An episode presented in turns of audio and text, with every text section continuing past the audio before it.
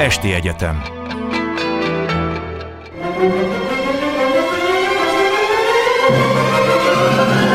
A világ urai. Merre rángatják a világ szekerét a hatalmasok? Szénási Sándor műsora Jó estét kívánok, ma esti vendégünk ez Bíró Zoltán történész. Jó estét önnek is. Jó estét kívánok. És hát sok témát tolt félre, de természetesen ezen az estén nem beszélhetünk másról, mint a Prigozsin miről is, balesetről, gyilkosságról, ügyről, kerüljük meg így egyelőre ezt a dolgot, amivel kapcsolatban 24 eh, órával később megszólalt az orosz elnök is, és hát azt mondta, hogy egy nagyon tehetséges, bár problémás üzletemberről van szó, és együttérzését fejezte ki az áldozatok családjának, hiszen tíz ember halt meg azon a repülőgépen, amelyik lezuhant Tver régióban, ugye? Igen. Eh, Prigozsinról tudni kell, hogy két hónappal korábban hajtott végre egy ilyen félpucsot, amit állítólag a Berurusz elnök állított meg Putyin kérésére, és ami után állítólag volt egy személyes találkozó is az orosz elnökkel, ugyan a Wagner csoportot elkezdték szétszórni, részint Belorussziában, részint meg talán Afrikába is mentek, minden esetre a ukrán harctérről eltűntek, de úgy tűnhetett, hogy Prigozsin megúszza. Rosszul gondolta, ugye? Hát azt gondolom, hogy rosszul gondolta. Hát a legtöbb Oroszországgal foglalkozó kutatónak, politológusnak, politikai elemzőnek meggyőződése volt, hogy csak időkérdése, és Prigozsint eléri Putyin bosszúja. És bár kétségtelen, hogy nem tudunk teljes bizonyossággal a minapi eseményről nyilatkozni, de hát nagyon meg lennék lepve, hogyha egyszer kiderülne, hogy itt nem valamilyen politikai merényletről lesz szó, vagy volt szó. Őszintén szólva erős naivitás lenne azt feltételezni, hogy az orosz hatóságok, amelyek most elkezdték a katasztrófa körülményeit vizsgálni, elfogulatlanul és hitelt érdemlően fogják feltárni mindazt, ami ezzel a repülővel történt. Tudjuk, hogy a legtöbb esetben vagy imitált vizsgálatra kerül sor. Ilyen történt a 2015. februárjában meggyilkolt Nyemcov esetében, ugye csecseneket ítéltek el. Nagyon nehéz volt feltételezni, hogy ők lennének a tényleges elkövetői ennek a történetnek. Amikor 2000 20. augusztus 20-án megmérgezik Navalnyit, akkor Novicsokkal, akkor utána az orosz hatóságok még vizsgálatot sem indítanak, hanem az lesz a hivatalos retorika, hogy hát azok után került méreg a ruházatára, hogy kivitték Németországba, sőt, Putyin egy Macronnal folytatott beszélgetésében egészen odáig ment, hogy azt állítsa, hogy Navalnyi maga mérgezte meg magát. Tehát millió példát lehetne még felhozni arra, hogy arra számítani, hogy most a következő napok, hetek vagy hónapok arról szólnak, hogy a különböző orosz hatóságok hitelt érdemlően feltárják az eseményeket, hát erős naivitás lenne. Ennek ellenére nem alaptalanul feltételezhetjük, hogy itt egy politikai gyilkosság történt, hogy milyen módon, az talán a későbbiekben kiderül, de hogy itt Putyin bosszújáról van szó, a legkisebb kétségem sincs ahogy mondta, hogy mit mondott Macronnak Putyin, akkor megvan a ős formája annak a későbbi mondatnak, hogy az ukránok maguk lövik saját magukat. Ezek szerint itt van a forrás. E, egyébként volt ebben a hogy visszamenjünk a dolog erejére, tudnék, hogy kezdődött ez az egész viszony Putyin és Prigozsin között. Volt ebben az orosz elnök nyilatkozatban egy érdekes mondat, amire a BBC is fölfigyelt, hogy tudnék azt mondta, hogy a 90-es évektől ismerik egymást. Már most azt írja a BBC, hogy korábban olyan lapok, mint a Moszkovszki Komszomolec és az Argumenti Fakti azt írták, hogy a két ember 2000-ben találkozott, amikor Putyin együtt ebédelt, Jacques Chirac francia elnökkel és George W. Bush-sal egy Szentpétervári vendéglőben New Island nevű vendéglőben, ha igaz, amelynek a tulajdonosa Prigozsin volt. De ezek szerint a viszony korábban kezdődött. Hát egészen pontosan most Putyin azt mondta, hogy a 90-es évek elejétől ismerik egymást, tehát még nem is a 90-es évekről általában beszélt, hanem ennek elejéről, és hát az elején egy ilyen autókereskedő volt Prigozsin, és hát más egy grúz üzletembernek a, az üzleti világában top menedzserként tevékenykedett, és ez a grúz üzletember volt az, aki pénzzel látja el, hogy belépjen a, az, a, a, az étteremiparba, és hát hozza létre először a Starita Mozsnyik nevű helyet, ami nagyon gyorsan ismerté válik a Vasiljev szigeten, és hát valószínűleg már abban az időszakban ismeri egymást ez a két ember, amikor Putyin Szentpéterváron Szobcsak mellett a főpolgármester helyettesi pozíciót tölti be, és az ország külkapcsolataiért, illetve külgazdasági kapcsolataiért volt felelős, illetve ő volt az a személy, aki például a kaszinó nyitás jogait felügyelte, és hát ez a grúz üzletember, aki pénzzel látja el Prigozsint, az például a kaszinó üzletben volt érintett, tehát nagyon is valószínű, hogy ez az elszólás a Putyinnak a 90-es évek elejéről, hát nem az emlékezet kiesése, hanem meg lehet, hogy tényleg a valóság. Csak azt nem tudjuk pontosan, hogy mi volt egyébként ennek a kapcsolatnak a tartalma, ugye? Igen, nem tudjuk. Hát kezdetben, ami a nyilvános adatokból leszűrhető, az, az lehetett, hogy valóban tetszett Putyinnak az az étterem, vagy azok az éttermek, ahol magas beosztású külföldi vendégeket fogadott, és elégedett lehet vele, és hát aztán ilyen alkalmakkor talán valamilyen másfajta kapcsolat is kialakulhatott, vagy akkor, vagy már korábban, és hát nagyon kényelmes kényes feladatokkal bízhatta meg Prigozsint, aki hát szerintem kétféle típusú feladatot látott el Putyin szolgálatában. Egyfelől olyan feladatokat, aminek kiderült ekkor könnyen lehetett azt állítani, hogy az államnak ehhez semmi köze, tehát egy ilyen trollgyárat hozott létre, ez már a 2000-es évek, sőt a 2000-es 14-15 körüli időszakról beszélünk, és hát ezek a trollgyárak mint utóbb kiderült, 2016-ban masszívan beavatkoztak az amerikai elnökválasztásba, tehát olyan hangulatot keltve, amelyik a szavazók egy részét Trump felé terelhették, és hát lehetett azt mondani, hogy ez egy magánvállalkozás, miután kiderült ez a beavatkozás, az orosz államnak semmi köze. A másik pedig a 14-15-ös időszak, amikor a Dmitri Utkin által még felállított magánfegyveres csoportot átveszi annak irányítását, megkapja, megtartva egyébként a katonai feladatok irányító szerepében útkint. A GRU-nak, a katonai felderítés különleges alakulatának volt alezredese, van ezen a poszton, és hát nyilván ez a csoport is azt a feladatot tölthette be, hogy hát az államnak ehhez semmi köze nincs, nem mi vagyunk azok. Ugye 14-15-ben, amikor jelentős katonai műveletek folynak Kelet-Ukrajnában.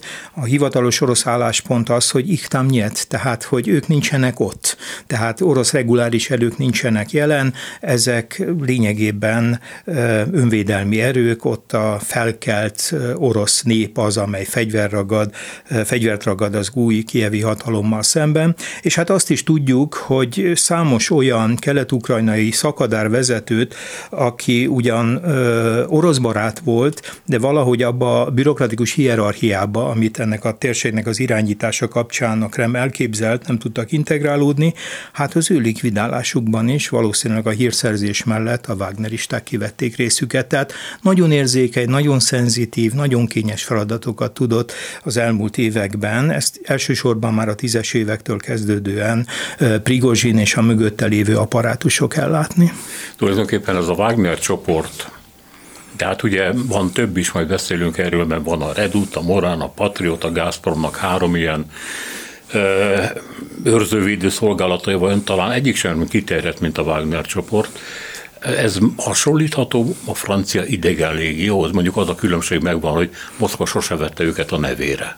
Hát egyrészt ez a különbség, másrészt pedig az a nagyon fontos különbség, hogy hát magán katonai szervezetek léteznek, ugye az amerikaiakat szokták ebben az összefüggésben leginkább emlegetni, de hát annak nagyon világosan lefektetett törvényi keretei vannak a működésének, és amikor mondjuk a Védelmi Minisztérium valamilyen feladat végrehajtásával megbízza őket, akkor ezt szerződésben pontosan rögzítik, hogy mi a feladat és az illetékességük mire terjed ki az általános törvényi kereteken túl.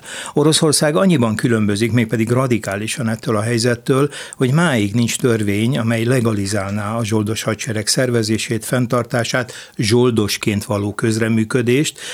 Néhányszor nekifutottak néhány hónappal ezelőtt is a Dumában, hogy ilyen törvényt elfogadjanak, de ilyen törvény nincs, tehát a, ha jogállam lenne Oroszország, mint ahogy nem az, akkor maga ennek a csoportnak a létezése is törvényellenes lenne, nem beszélve arról, hogy a, az endülést követően az állami propaganda hihetetlen mennyiségben e, zúdított a nyilvánosságra adatokat arra vonatkozóan, hogy milyen csatornákon, milyen óriási összegeket biztosított az elmúlt 6-8 évben az állam, tehát közpénzeket ennek a magánhadseregnek a működtetésére.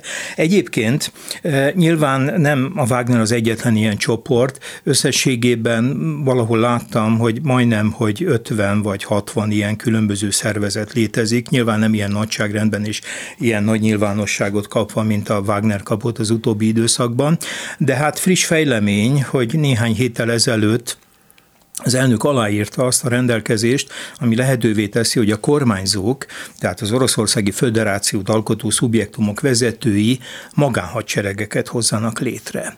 Ugyancsak a közelmúlt fejleménye, hogy a Dumában elfogadták azt a törvénymódosítást, ami lehetővé teszi, hogy az orosz nemzeti gárda, a Rosgvardia nehéz fegyverekkel lehessen ellátni. Na most, hogyha ezt a két hírt egymással összekapcsoljuk, akkor két következtetést vonhatunk le ebből.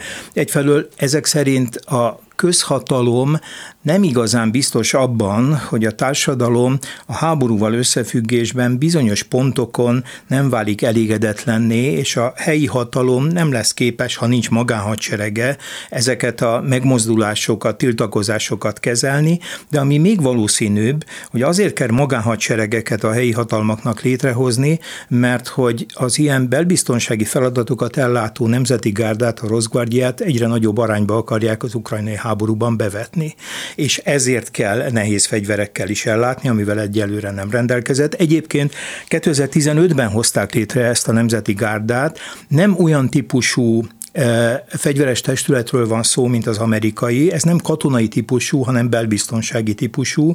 A belügyminisztérium felügyelete alá tartozó belügyi hadsereg volt az alapja ennek a szerveződésnek, mint egy 400 ezer főből áll, és a belbiztonság, tömegoszlatás, rendteremtés volt az első számú feladata, de úgy tűnik, hogy a hatalom tart attól, hogy általános mozgósítást rendeljen el, és valahogy ilyen lappangó módon a a, a, a nemzeti gárdát nagyobb, mind nagyobb arányban bevetve próbálja a, az emberhiányt pótolni az ukrán fronton. Hát kérdés, hogy ez meddig megoldás Oroszország számára. Megpróbálok valami nyomot találni az orosz történelemben a magánhadseregek létezésére. Most egy egészen abszurd dolog jutott eszembe, hogy nem előképe ennek a partizán mozgalom valamilyen módon. Hát a partizán mozgalom lehet előképe, de a partizán mozgalom az mégiscsak egy honvédő háború keretében jön létre, egyébként már a napoleoni háború idején is, tehát már a 19. század elején is partizánok keserítették meg Napóleon armadájának oroszországi invázióját, és hát a második világháború idején az NKVD, a belügyi népbiztosság felügyelete alatt szerveződtek meg ezek a csoportok. Egyébként leginkább 43-ban fut fel a partizán mozgalom, de hát ezt a központi hatalom egy legitim cél érdekében használja, és a központi hatalom, tehát úgy tetszik, a közhatalom az, amelyik szervezi, irányítja, fegyverekkel ellátja és utasítja, hogy milyen feladatokat lássanak el. Nyilván valamiféle párhuzam felállítható, de itt az az érzésem, hogy hogy az a fajta rendszer, ami most kialakul Oroszországban, itt ez a magánhadsereg és a Wagner hadsereg is egyfajta pretóriánus gárdaként szolgált Putyin mellett. Ezzel nem azt akarom állítani, hogy nem volt diktatúra Stalin, de a sztálini rendszer, csak Stalin nem a magánvédelmére használja a partizán mozgalmat, hanem mégiscsak az ország, a politikai közösség egészének érdekében egy nagy honvédő háború keretei között abszolút legitim cél érdekében. A Wagner hadseregnek a felállítása és bizonyos értelemben egyébként a Nemzeti Gárda felállítása is, mert azt elfelejtettem az előbb mondani, hogy a Nemzeti Gárdának ugyan van egy parancsnoka, jellemző módon egyébként Putyin még 90-es évektől mellette szolgáló testőrét teszi meg a Nemzeti Gárda parancsnokává, de kiveszik a kormány felügyelete alól, tehát nem a belügyminiszter vagy a miniszterelnök rendelkezik felette, hanem közvetlenül az elnök. Tehát a Nemzeti Gárda is fölfogható egyfajta pretoriánus gárdaként. Tehát ilyen értelemben sokkal inkább ez, a, ez az személyhez kötött, egyre inkább diktatórikussá váló rezsimben a személyes biztonságot és ambíciókat szolgáló segédcsapatokként működnek ezek? A Oroszországban is, tehát mert a legtöbb hírt ugye a, a Wagneri gárdáról, de lehet, hogy egyszerűen csak ugye az ember szem előtt elsiklottak ezek a hírek. Onnan kaptuk, amikor megjelentek Afrikában, vagy éppen megjelentek Ukrajnában, hogy Oroszországban mit csináltak, az nem nagyon lehet tudni, de hiszen ugye Ukrajnában nem máshonnan indultak el, mint Oroszországból.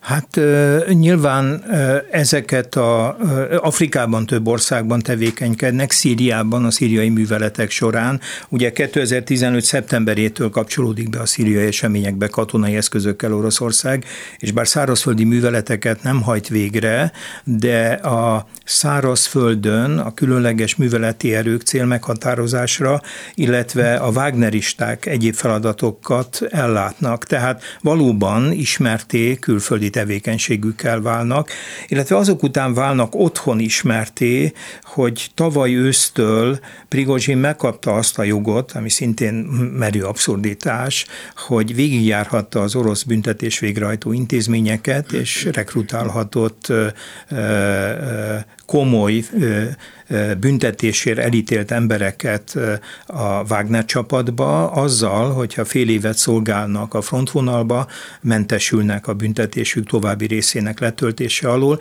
és hát mondanom sem kell, hogy nem könyvelőket rekrutált, hanem gyilkosságért, rablásért, nem erőszakért, tehát súlyos bűnökért elítélt emberek voltak, 40-50 ezer embert hoztak ki így a börtönökből, és ez az, ami lényegében létszámát tekintve a legnagyobbá duzzasztotta tavaly ősszel, illetve idén tavasszal ezt a Wagner képződményt, de hát a szerkezetét, a tudást, amivel ez a csapat egyfajta hatékonyságot tudott felmutatni, nyilván azok a leszerelt tisztek adják, akik elszegődtek, miután obsitossá váltak, tehát megváltak az orosz hadseregtől. Ilyen volt Utkin is, de számosan mások is, akik jó ideig a katonaságban szolgáltak, és valószínűleg valamelyik különleges erőnél. Tehát ezek az emberek, ezek egy része kezd most visszatérni, e, ismét polgári életben visszatérni lakhelyére, és hát a múltkor e, néhány héttel ezelőtt az egyik betiltott e, portálon, a Grányi Run számos felvételt lehetett látni, egy összeállítást arra vonatkozóan, hogy ezek a visszatérő emberek mit követnek el hazatérve, részben traumatizálva a háborús események nyomán, illetve hát a háború előtt is nem volt idegen tőlük az, hogy erőszakhoz folyamodjanak, szóval ebből még lesz nagy sok, nagyon sok problémája Oroszországnak, hogy ezek a frontról visszatérő Wagneristák hogyan illeszkednek be, illetve hogyan nem illeszkednek be a polgári élet vagy a békés élet körülményei közé. Igen, ugyanazt a forrást olvastuk ezek szerint a hírek között, azt írták, hogy nagyon sokan hát ilyen mentális, finoman fogalmazva, mentálisan sérült emberek, akik ott folytatták a gyilkolást, ahol abba hagyták, és most a helyi rendőrség vadászhat rájuk.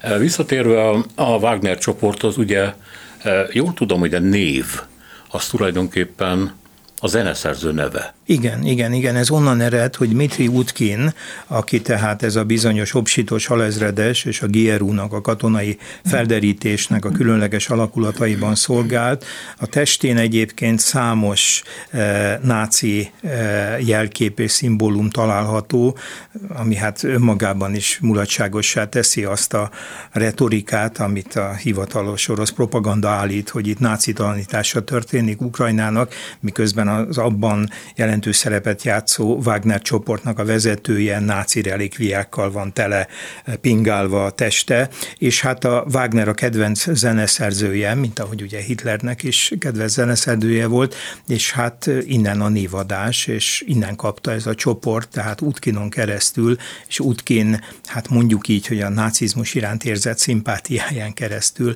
ezt az elnevezést. Az egyik orosz független hírportál, amelyik eh, Rigában üzemel a Medúza tudni, Igen. ennek van egy angol nyelvű hírszolgálata, nagyon kiváló újság, ha egy régi megfogalmazást akarunk erre használni. Tehát eh, közölt egy összeállítást arról, hogy tulajdonképpen hogy áll Oroszország ifjabb generációja a nácizmussal, és akkor egy csomó történetet sorolnak föl, hogy fiatal emberek hogy sorolnak be egyik vagy másik, mert nagyon sok van náci, félnáci, orosz szervezet, de ezek nem föltétlenül katonai szervezetek, de mindegyiknek az ideológiája gyakorlatilag a Hitlerével azonos, amin ugye az ember nem győz csodálkozni, mint egy, mindez az egykori Szovjetunió területén történik, amely 20 millió embert veszített egy háborúban. Sőt, 27-et, ma már inkább Igen. 27 millióról beszélnek. És a legtöbbnek az útja előbb-utóbb elvezetett a Wagnerbe. Na most a kérdés az, hogy egy zsoldos hadseregnek nem föltétlenül van ideológiája, túl persze a patriotizmuson, a hazály, stb. De hát legfőképp a pénzért de mégis átította a Wagner a nácizmus szelleme? Hát erről nem tudnék nyilatkozni, mert nem nagyon olvastam olyan forrásokat, amelyek a, ennek a csoportnak a hétköznapi életét írná le. A felszíne kerülő hírekből én azt a benyomást szereztem, vagy azt a következtetést tudtam levonni, hogy itt a brutalitásnak, az erőszaknak, az erős hierarchizáltságnak óriási jelentősége van, tehát egy ilyen hipermocsóizmus, ha ezt a kifejezést használ használhatom, uralta. Nyilván egy katonai szervezetben egyébként is egy ilyen szigorú fegyelmi rend van, de itt azt hiszem nem egyszerűen fegyelemről, hanem brutalitásról van szó. Talán emlékszünk rá, amikor az ukránok visszaadtak egy olyan Wagneristát a hadifogságból, vagy kicseréltek ukrán katonákra, aki, akinek a sorsa ugye az lett, hogy egy hatalmas pörőjel szétverték a fejét, és erről videófelvétel készült. Tehát tehát azt hiszem, hogy a legkisebb hogy is mondjam, együttérzésünk nem lehet ezek iránt, az emberek iránt, és hát az is világos volt, hogy az a, az állítólagosan emlegetett hatékonysága a Wagner seregnek Baktum ostrománál, az nem valami különleges katonai tudás, képesség következménye volt, hanem annak, hogy ezeket a börtönből kivett embereket újabb és újabb hullámban indították támadásba, és több tízezer embert Baktum Huntál állítólag legalább 20 ezer ilyen katona esett el, aki néhány héttel vagy hónappal korábban a börtönből jött ki, vagy hozták ki, és hát nyilván az orosz társadalom messze nem olyan érzékenységgel reagált az ő veszteségükre, mint reagált volna, hogyha ezek mondjuk pétervári vagy moszkvai fiatal emberek lettek volna. Szóval nekem az az érzésem, hogy ez a fajta kegyetlenségig vitt fegyelem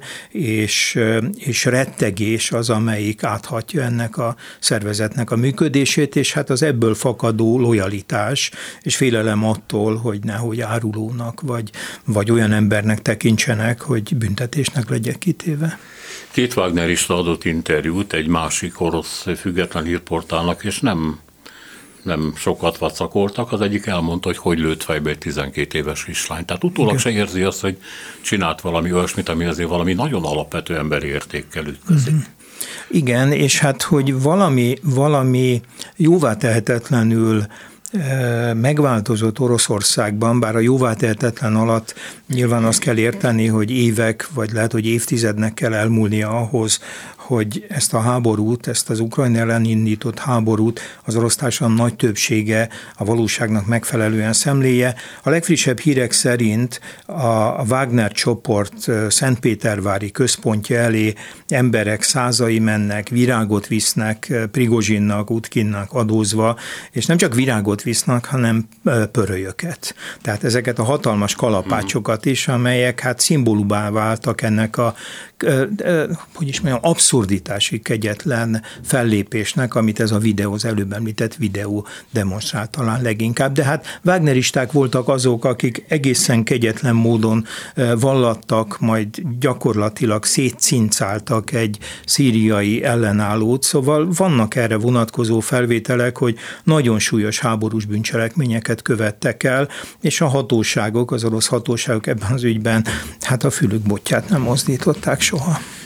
Említette, hogy a félpucs után eh, nagyon sok információ látott napvilágot a Wagner működéséről, illetve a Wagner és a orosz állam kapcsolatáról, bár nem nagyon értem, hogy miért kezdték el kiteregetni azt, hogy a Kreml mennyi pénzt adott neki. Hát nyilván az volt az oka, hogy kompromitálni szerették volna, mert hogy a rostovi fogadtatás, ami persze nem feltétlenül jelentette az orosz többségnek a Wagneristákhoz való viszonyát, de azért a hatalmat meghökkentette, meglephette, hogy mind akkor, amikor bevonultak a városba, mind akkor, amikor elhagyták a várost, és amikor elhagyták a várost, akkor már Putyinnak ama televíziós beszéde után vagyunk, amikor ellenségé nyilvánította őket, aki hágba támadta a közhatalmat. Ezek után is a rosztoviak egy része ünneplően búcsúztatta a Wagneristákat. Tehát nyilván feladat volt kompromitálni, lejáratni eh, Prigozsint. Például elmentek a lakásába, lefoglaltak készpénzt, eh, óriási mennyiségű készpénzről volt szó, állítólag kábítószer, tehát minden arra irányult, hogy azt a nimbuszt, amivel a nép egy bizonyos részében nagyon nehéz megítélni, hogy a társadalom mekkora része körében élvezett nimbuszt eh, ez a nyers nyers és hihetetlen durván fogalmazó, de őszintének ható, egyfajta orosz Robin, Hood, Robin Hoodként beállított figura, szóval kompromitálni kellett, le kellett járatni, és az első napok jelentős részt ennek jegyében teltek az endülést követően. Igen, még nőket is megszólaltattak aki vagy állítólag ők maguktól szólaltak meg, mert kiderült, hogy ilyen fiatal lányokból tartott háremet valami igen. szállodában, ahol élt, e, és hát a nő elmondta, hogy hát igen, férfinak meglehetősen gyatra volt, stb. stb. Tehát, hogy így gyökeréig tönkre akarták így tenni. Igen. Szóval a, ezekkel a pénzekkel kapcsolatban az lenne a kérdésem, hogy hogy működött a Kreml és a Wagner közötti kapcsolat. Itt mégis olyan emberekről van szó, akik keresni akartak és sokat, a Kreml szintén keresni akart és sokat, mondjuk Afrikában, Nigerben, ahol gyémánt és urán bányákat felügyelnek most már, hogy a franciáktól megszabadulva a Wagneristák, Hát eh, Moszkvának ezekből kellenek pénzek, szállítmányok, nem? Így van, így van, és sőt, hát közép-afrikai köztársaságban aranybányákról van szó, tehát nyilván ez az afrikai jelenlét, amit persze elő lehet adni egy geopolitikai nyomulásként és befolyásszerzésként is, azt gondolom, hogy az orosz elit számára közvetlen haszonszerzést is jelentett, és vannak olyan elemzők, amit persze állításukat én nem tudom eh, megerősíteni, de figyelmet érdemlőnek tartom, hogy ezeken az afrikai afrikai jelenléteken keresztül az elit egy része pénzt tudott tisztára mosni és európai bankokba elhelyezni, tehát Afrikán keresztül tenni követhetetlenné bizonyos nem kevés pénzeknek az útját.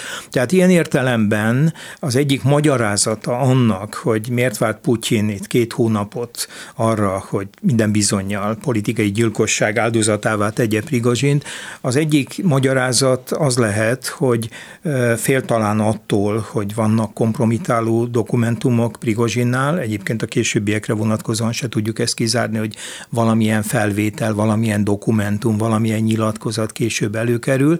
A másik pedig, hogy hát nem csak sokat tudhatott az elitről, de az elit pénzügyi műveleteinek egy része is rajta keresztül bonyolódhatott le. Következésképpen hát itt is ezt is valahogy rendbe kellett tenni.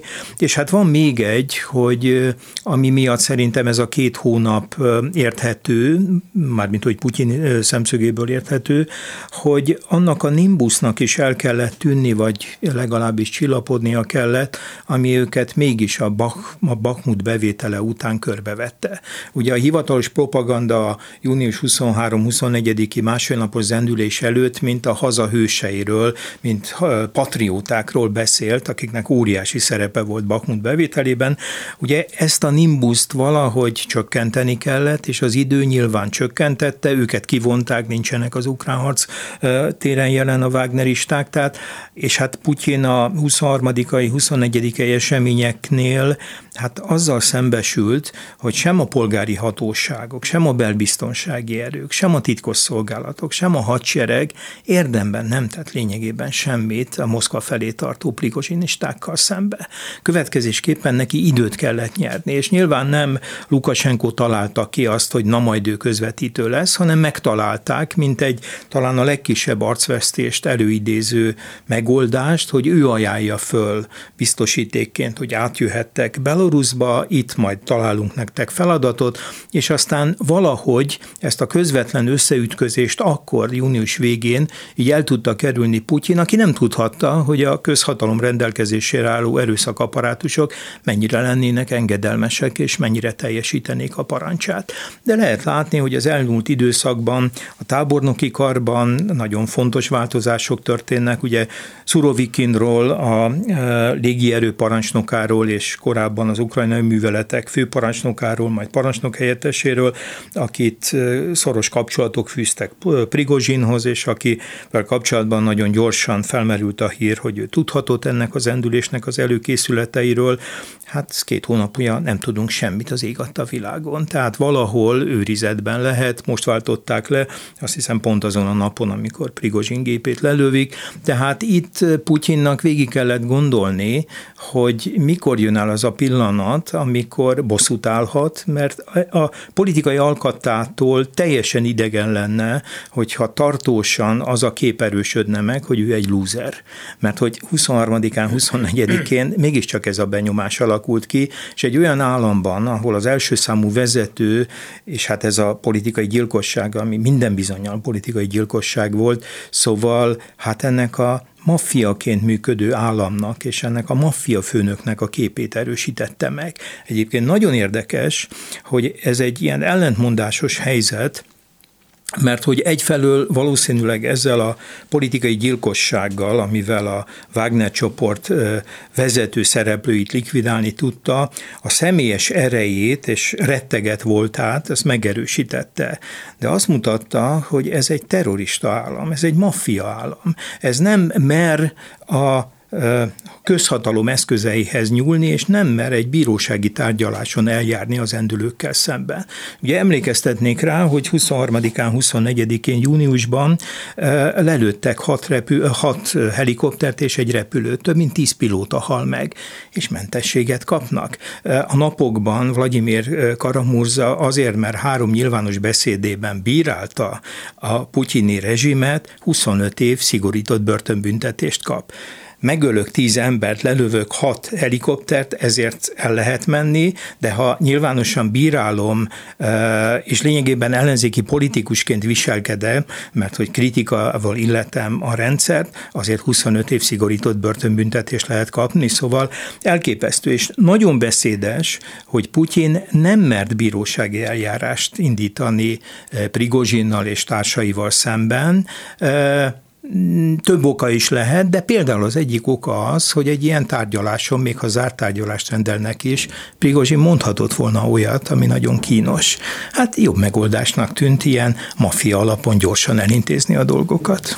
Térjünk akkor most rá az Ukrajna ellen indított háborúra, illetve a Wagnernek és Prigozsinak a játszott szerepére. E, utalt már arra, hogy a Wagner csoport sokkal sikeresebb volt, mint az orosz hát hogy mondjam, csak hivatalos seregtestek. Ennek egyik okaként említette azt a végtelen durvaságot, és talán még a korábbi orosz gyakorlattól eltérjen is nagyon nagy emberveszteséget, amit a Wagner könnyedén elszenvedett, mert hiszen könny, ha feláldozhatók közül, hogy egy amerikai Igen. filmet idézett tartoztak ezek az emberek, de valami más is kellett, hogy tudnilik mivel kisebb csapattestről volt, volt szó, tehát mentesültek attól a hierarchiától, ami annyi gondot okozott egyébként az oroszoknak. Igen, valószínűleg. Én ugye nem vagyok katonai szakértő, de igyekszem az ezzel foglalkozó írásokat is figyelemmel követni, és sokan már a háború korai szakaszában felhívták a figyelmet arra, hogy míg az ukránoknál egy ilyen hálózatban harcolás folyik, kis csoportok rendkívül dinamikusan mozognak, és a kis csoportok vezetői nagyon széles jogkörrel, döntési helyzettel rendelkeznek, ezzel szemben az orosz hadsereg hagyományosan egy ilyen hierarchizált rendszer, és egy száz százados vagy egy őrnagy, az többé-kevésbé csak arra kell, hogy szolgáljon, hogy a felülről jövő parancsot teljesítse. És hát nyilván ez a robusztus és nehezen mozduló, a konkrét harci körülményeket kevésbé figyelembe vevő eh, hát küzdelemben ezek kevésbé tudtak eredményt felmutatni, mint a Wagneristák, és ráadásul itt nyilván nagyon sok tapasztalt katona is volt, tehát egyfelől voltak, akik könnyen feláldozhatók voltak, voltak, ami miatt újabb és újabb hullámokban tudták mindegy kifárasztani az ukrán ellenfeleket, másfelől pedig nyilván a gerincét olyan e, hosszú és komoly szolgálati idővel rendelkező katonák alkották, akik ilyen arányban a reguláris hadseregben nincsenek jelen. Szóval én ennek a két körülménynek, illetve ennek a viszonylag mobil szervezettségnek tulajdonítom azt, hogy ők eredményesebben tudtak harcolni egy időszakban. Van valami különleges kollegialitás, összetartás az ilyen zsoldos csapatokban, mert az ember azt képzeli, de lehet, hogy túl sok amerikai filmet láttam, hogy mivel nagyon egymásra vannak utalva, és tudják, hogy ha a másik nem fedezi őt, akkor meg is halhat, illetve közösen vesznek részt mindenféle bevetésekben, és nagyon személyes kötődések is kialakulhatnak, ami egy ilyen, hogy mondjam, csak nagy és túlságosan nagy állami hadseregben sokkal nehezebben alakul ki. Ennek következtében a az egymás kiszolgálás, az egymás iránti felelősség is nagyobb. Hát valószínűleg ez is szerepet játszik, még akkor is, hogyha nyilván az ide elszerződő emberek, most nem beszélek azokról, akiket a börtönből hoztak ki, de az ide elszerződő emberek mégiscsak saját akaratukból vállalták, hogy ebbe a magánhadseregbe belelépjenek, és hát nyilván nem kevés fizetségért, és hát egyfajta bajtársiasság ebben a nagyon brutális világban is nyilván ki tud alakulni, de szemben mondjuk azoknál a reguláris erőkben frissen bevont, a civil életből bevont emberekkel, akik ezt a katonai világot nem tapasztalták meg, vagy voltak ugyan katonák, de esetleg 8-10 évvel korábban, és ezt a szaldafóniát, ezt a katonai szellemet az ő habitusuk teljes egészében nélkülözi. Tehát ezek az emberek, akik hajlandóak magánhadseregben életüket is kockáztatva kemény feladatokat elvállalni, nyilván habitusukban, lelkületükben és nagyon sok közös vonás van, és ott, ahol meg a reguláris erők vannak, a besorozottak pedig annyi félék, ahány félék vagyunk egyébként a polgári életben is. Diktátoroktól nem szokatlan, hogy a körülötte lévő embereket szeretik kijátszani egymással szemben, és nagyon sokan a Wagner, illetve reguláris erők, tehát mondjuk a honvédelmi miniszter kapcsolatát is így írják le, hogy tulajdonképpen mind a kettő mögött az elnök tűnt föl, és hol az egyiket tolta egy kicsit, meg hol a másikat, e, de várható volt, hogy a viszony elmérgesedik. Ez megfelel a valóságnak? Hát nekem hosszú időn keresztül úgy tűnt, hogy amikor elkezdett e, Prigozsin 2022 késő nyarától, kora őszétől egyre durvább, egyre nyersebb hangnemet megengedni magához, magának, és nyíltan bírálni, nagyon keményen bírálni mind a honvédelmi minisztert, mind a vezérkari főnököt, akkor egy feladatot teljesített, mégpedig Putyin fel, adta feladatot, nevezetesen valamiféle magyarázatát kellett adni, hogy nem a politikai döntés volt elhibázott, hogy elindítottuk a háborút, hanem a katonai vezetés nincs a helyzet magaslatán, és volt egy ember, aki ezt világosan, nyersen és egyértelműen megfogalmazta. Tehát hónapokon keresztül 2022 őszén szerintem nem alaptalanul lehetett az a benyomásunk megfigyelőként, hogy itt Putyin feladatát vagy elvárását teljesíti Prigozsin, de egy idő után, amit egészen pontosan én legalábbis máig nem látok, hogy miért bizonyos határokon átszaladt, és elkezdett olyan nyelven beszélni, és olyan területre is a kritikát kiterjeszteni, amelyek már nem közvetlenül a háborúval fügtek össze, és hogyha egy picit becsuktam a szemem, akkor ha nem is abban a ha nem is abban a kifinomultságban, de határozottságban, mint ahogy a Navalnyi beszélt, de egy csomó olyan témát elkezdett érinteni, amit a Navalnyi féle nyugatos ellenzéke a társadalomnak, vagy legalábbis a politika iránt aktívan érdeklődőknek képviseltek. Szóval, szóval egy határt átlépett, és, és elkezdte Putyint is személyében bírálni, még ha nem is nevezte meg, de az a kép, amit használt vele kapcsolatban, a bunkerben ülő öreg ember, azért nehezen félreérthető utalás volt Putyinra, és hát láthatóan Putyin, aki hát erősen narcisztikus és paranoid alkat lehet, az azért ilyeneket nem vesz jó néven. De ez az a pillanat, amikor amikor, hogy mondjam, csak egy feladatból mélyen átélt küldetéstudat lesz. És... Valószínűleg, valószínűleg, és, és hát ezt pedig nyilván a maga módján egy okos és intelligens ember, ez egy ilyen gonosz intelligencia nyilván, neki tudnia kellett volna, hogy hol van az a határ, amit nem léphet át, mert akkor valaki olyas valakivel találja szembe magát, aki eddig védte, és ezt követően ellenségé, mégpedig halálos ellenségé válik, nem érzékelte a hübrisz. Szóval magával ragadta, és ezt a határt nem érzékelte egy ponton. De innen kezdődik az is, amikor ebből a küldetés tudatból fölsejlik előtte egy olyan jövő, amiben láthatja magát a cárok trónján.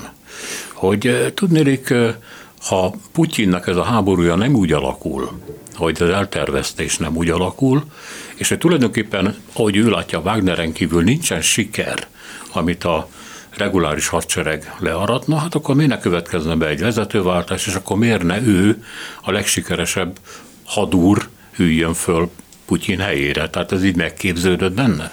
Hát erre nehezen tudnék válaszolni. Lehet, hogy volt álmaiban ilyen elképzelés. Én inkább abban bízok, hogy, vagy azt gondolom valószínűbbnek, hogy a politika és a katonai elitben lehettek olyan magas posztokon lévő figurák, akik őt biztatták, manipulálták, nem feltétlenül vonták bele a tényleges céljaikba, de, de biztathatták, hogy, hogy, hogy lépjen, hogy amiket mond az igaz, menjen tovább ezen az úton. Nehezen tudom elképzelni Prigozsint, még a mai Oroszországban is, amelyik sok tekintetben a politika elitje végletesen lezülött az ország irányítójaként. Ő szerintem az elit bizonyos csoportjai kormányainak az eszköze volt, és eszközként használták. Nem hiszem, hogy ő képes lett volna ennél többre. Akik eszközként használták, azok egy körülírható csoport? Én nem tudom körülírni, ez inkább feltételezésem. Az abból kiindulva, hogy annyira abszurd az az elképzelés, hogy én elindulok, és akkor végigmegyek Oroszországon, és azzal fenyegetem a közhatalmat, beértve az erőszakszervezeteket is, és benne a hadügyminisztert, illetve a vezérkari főnököt, hogy fogjul ejtem és leváltom, hogy ehhez biztos, hogy valamiféle biztatást kellett az elitből, hogy kapjon, illetve az a feltételezés kellett, hogy még kísérje ezeket a lépéseket, hogy a hadsereg egy része, a belbiztonság egy része átáll. Mert látja, hogy ez a háború mennyire értelmetlen, és milyen fölösleges és értelmetlen és óriási veszteségekkel jár. Ha csak azt az adatot veszem figyelembe, amit talán a leginkább konzervatívnak és a valósághoz talán leginkább közel állónak tekinthetünk, hogy ez alatt a 18 hónap alatt az orosz hadsereg eh, mintegy 120 ezer embert veszített el, és a 10 éves Afganisztán pakisztáni háborúban 14 ezret. Tehát, hogy, hogy itt oly mértékben értelmetlen, oly mértékben öngyilkos ez a vállalkozás, és nem tudjuk és nem látjuk ennek a végét, hogy, hogy bízhatott abban, a biztatókon túl, hogy, hogy itt a hadseregben, a belbiztonságban, a titkosszolgálatban lehetnek olyan emberek, akik, akik ennek az értelmetlenség, mert a háború értelmetlensége miatt mellé állnak. Aztán persze nem tudjuk, hogyha ez a fordulat sikeresen befejeződik, befejeződik, elmozdították volna a hadügyminisztert és a vezérkari főnököt, nehogy Isten elmozdították volna Putyint, akkor egy olyan ember vagy egy olyan kollektíva került volna a hatalom csúcsára, amelyik annyi józansággal rendelkezik, hogy elkezdte volna az országot kivezetni a háborúból, vagy egy olyan csoport, amely még radikálisabb, még kegyetlenebb, még kérlelhetetlenebbé tette volna a háborút. Ugye Oroszországban vannak ilyen szereplők, akik, akik ugye a Girkintől kezdve, Prigozsin is ezen a nyelven beszélt, akik hogy arról beszélnek, hogy hát határozottabban, kiterjedtebben, durvábban kéne fellépni. Azt ugye nem tudom, hogy milyen eszközökkel, mert csak egyetlen eszköz, a nukleáris fegyver az, ami még rendelkezésre áll Oroszországnak, mert ha rendelkezésére állnának más eszközök, azokat már biztosan bevetették volna. Szóval azok, akiket ugye turbopatriótákként szokás emlegetni, szóval ezek az emberek vajon mire hagyatkozva gondolták azt, hogy még brutálisabbá lehetne ezt a háborút tenni. Mindenesetre nem tudjuk, hogyha ez a fordulat sikeresen megtörtént volna, egy, kió, egy kiózanodás indult volna el, és egy józanabb csoport irányítaná az országot, vagy pedig éppenséggel vitte volna bele ebbe a gyilkos háborúba egyre mélyebben. Voltak éppen félig meddig igaza lett Prigozsinak, amikor elindult és számított arra, hogy mellé állnak, mert a nem cselekvés, hát az is egy támogatási forma, ki képzelte volna, hogy ekkora távolságot megtesznek anélkül, hogy bármi történjen.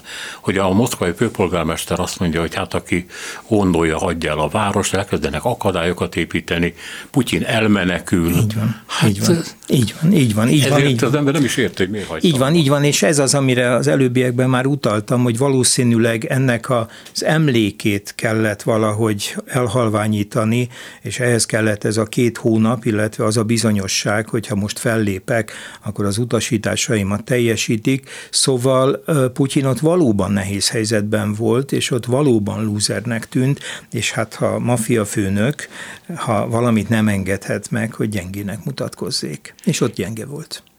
Miért hagyta abba?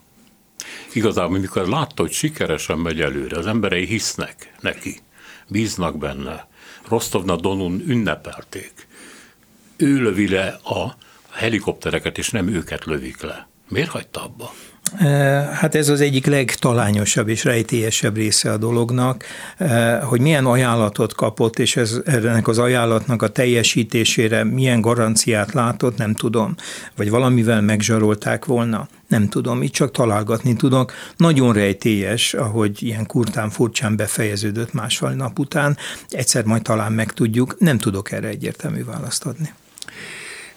Arra sincs egyértelmű válasz, hogy ez a egyébként dörzsölt gazember, ez miért nem élt a gyanúperrel, hiszen ismernie kellett a főnökét, akivel épp most állapítottuk meg, hogy saját maga szerint is, hát a 90-es évek elejé óta vannak viszonyban, tehát tudnia kell, hogy ki ez az ember. És ott maradt előtte, mint egy nyuszi, amelyik várja a vadász, hogy majd csak megtalálja a puskáját.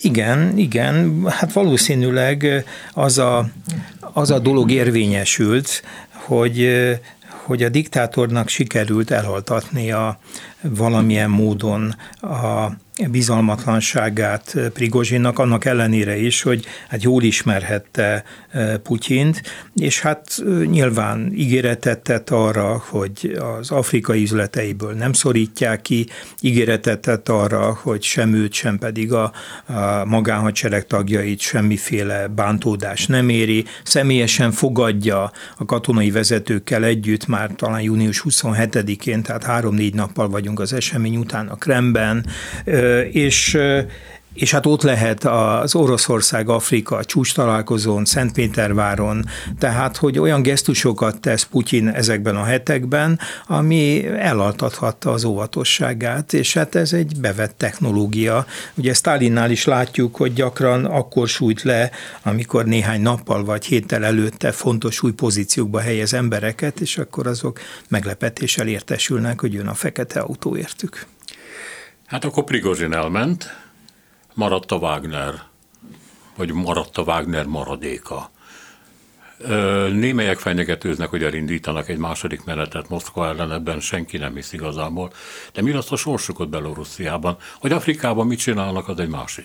Ugye a Afrikánál is kérdéses, hogy a Wagner ott maradhat-e, illetve hogy a reguláris erők, tehát a hadseregnek bizonyos részlegei nem tesznek-e kísérletet, a katonai hírszerzés, a GRU nem tesz kísérletet arra, hogy kiváltsa a bizonytalan állagú és lojalitás identitású Wagneristákat, és hát akik meg maradtak Oroszországban, illetve Belarusban, azoknak nyilván fölajánlják azt, hogy lépjenek be a reguláris hadseregbe, nyilván nem alakulatként, hanem szétdobják különböző alegységek között, hogy semmiféle szolidaritás ne érvényesülhessen, és semmiféle meglepetést ne okozhassanak.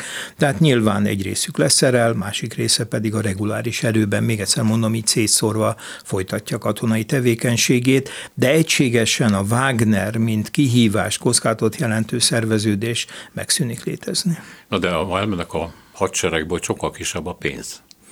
Hát nem nagyon van most már választásuk. Tehát hát azzal... De itt vannak a magánhadseregek, akár Relut, Morán, Patriot, oda nem mehetnek? Hát elvileg az is elképzelhető, bár szerintem nyilván a hatalom és a titkosszolgálatok figyelnek arra, hogy ez ne nagyon következzék be.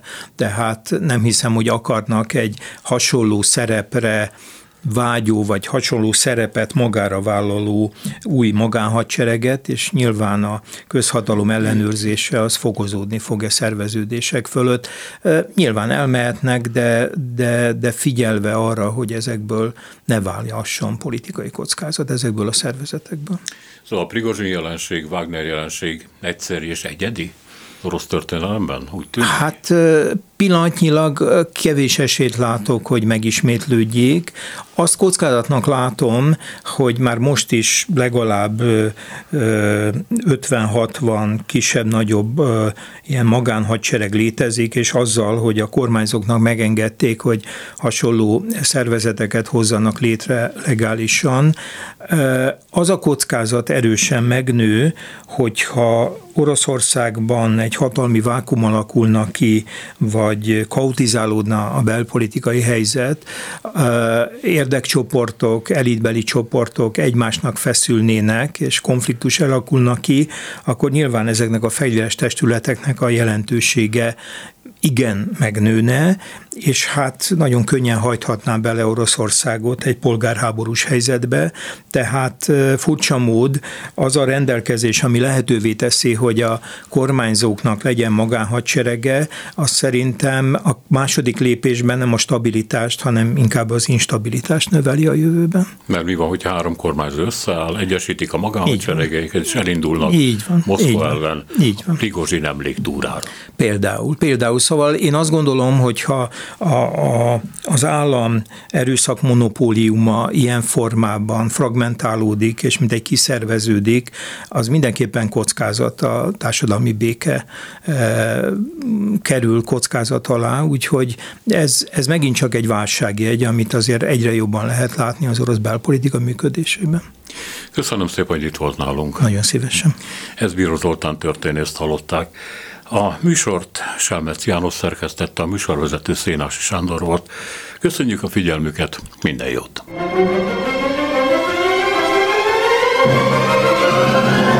A Világ Urai című műsorunkat és Szénási Sándor műsorvezetőt hallották.